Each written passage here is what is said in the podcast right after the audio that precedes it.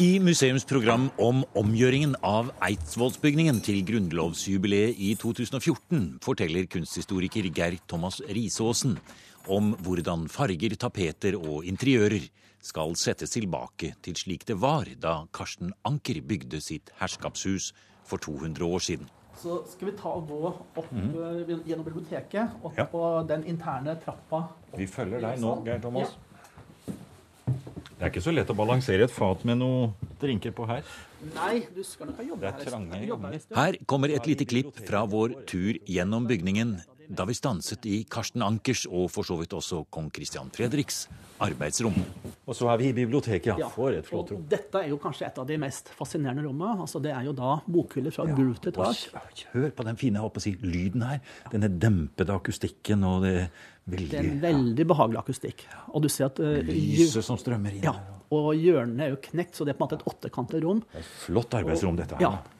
Og Anker hadde jo ca. 5000 bind, eh, og han hadde stor eh, samling med både, både mynter, manuskripter, eh, antikviteter, altså oldsaker, alt, alt mulig. Og derfor er det også de utstillingsskapende monterne i hjørnene som da er for å vise fram ting. Gi oss et lite lynkurs i Karsten Anker med det samme vi står i dette flotte arbeidsrommet hans her.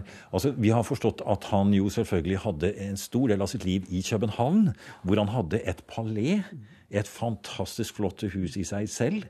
Og han hadde også mange andre, bokstavelig talt, jern i ilden, som ikke var jern.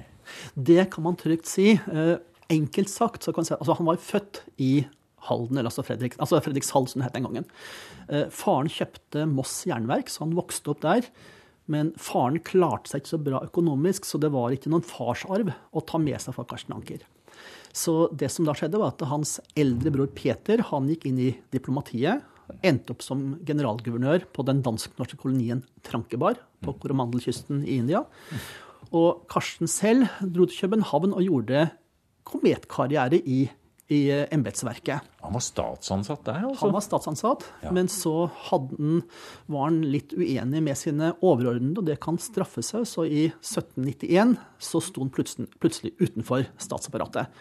Og i 1792 så tilsettes han da som direktør for Dansk Asiatisk Kompani, som er et av de største eh, handelsforetakene i samtidas København, med oktroi, eller, eller monopol, som vi vil si i dag, på all handel med Kina og Østen. Kina, ja. Så han gikk altså fra å være statstjenestemann og over i det private næringsliv. Og ikke hvilket som helst næringsliv heller, for det var jo det mest lønnsomme som var på den tiden, handelen med Kina. Akkurat som i dag, kunne man nesten si. Absolutt akkurat som i dag. Ja.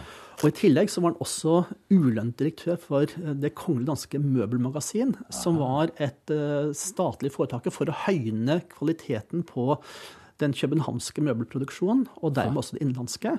Så det gjorde også at han hadde helt andre forutsetninger enn de fleste andre når det gjaldt å følge med i Internasjonal mann. Ja. Altså en bror som var i Trankebar. Selv var han på toppen av det dansk-norske, som jo var et stort internasjonalt uh, imperium på denne tiden. For nå er vi på slutten av 1790-årene, vel? Ja, Eller midt ja. på 1790-tallet. Og så har du da dette med Kina. Pluss at i København på den tiden så var det jo tysk, fransk, russisk, østerriksk, eh, engelsk innflytelse over det hele. Og så må du da prøve om du kan hjelpe oss å trekke trådene inn til dette rommet Ja. som vi står nå. Bare en liten ting først, og vi må heller ikke glemme hans norske, altså hans norske fetter i Kristiania. altså Særlig Bernt Anker, som var Norges rikeste mann. Peder Anker på Bogstad. Og jeg mener Anker-familien på Østlandet var jo på en måte ryggraden i den østnorske økonomi på den tida her. Men, eh, og det er også litt av bakgrunnen til at eh, Karsten Anker da i 1794 altså han, han er jo alltid nordmann i sin sjel, og drømmen å komme hjem er veldig sterk. Så i 1794 kjøper han da Eidsvoll jernverk med en langsiktig plan om å flytte tilbake.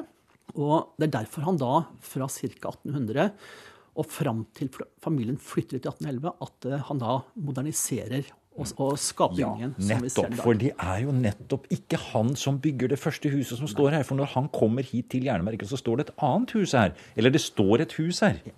Og det var en, eh, altså, her var det en verkseierbolig som var gjenreist etter en brann i jula 1767. Så det huset sto ferdig rundt 1770. Og det var ikke noe lite hus, det heller. Nei, og for det huset er faktisk kjernen i det store huset som står her i dag. Men det var selvfølgelig mye mer alderdommelig og svarte på ingen måte til eh, Karsten Ankers forventninger og krav. For en, noen flotte hus denne mannen hadde. Altså, han gjorde om og bygde om dette som vi går i og blir helt slått av her nå. Og vi har jo ikke engang snakket om det flotte huset han hadde i København. Og moderne besøkende til København i dag. Det, altså, vi kan jo da fortelle at det ligger der hvor um, Magasin du Nord ligger i dag. Et stort uh, handlemagasin. Det var adressen hans, men ikke det huset. Nei, for det, altså det store palais som lå der i hans tid, det ble revet når Magasin ble bygd på slutten av 1800-tallet. Ja, Men ikke sant? Det er i hvert fall stedet. Da, Ja. da har man et inntrykk av tomtevalget, som Ja. jo er uhyre sentralt Og- på det store torvet der. Den adressen er en god adresse selv i dag. ja. Men skal vi ta en tur Ja, til Ja, det skal vi.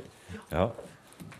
Skal vi gå den veien, ja? Å, nå bare lukker du opp en av, en av hyllene her. For Som det er så eh, fascinerende ja. biblioteket at, det her er jo for å få mest mulig bokplass, Ja. eller bokhyller, så går jo da bokhyllene på, på skinner og er dører. Så her kan du svinge opp Du bare åpner. Ja. Og her kobler vi oss på programmet som ble sendt i P2 12. og 13. mars. På museums hjemmeside er det en lenke helt nederst til venstre, og den går til tekstomtale og bilder av både dette og tidligere museumsprogrammer.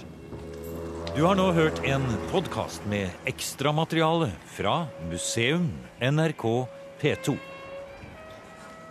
Museum sendes i NRK P2 på lørdager klokken 16.03 og søndager klokken 08.03. Hvis du vil, kan du abonnere på Museum podkast i iTunes. Jeg vil gjerne ha dine synspunkter på programmet.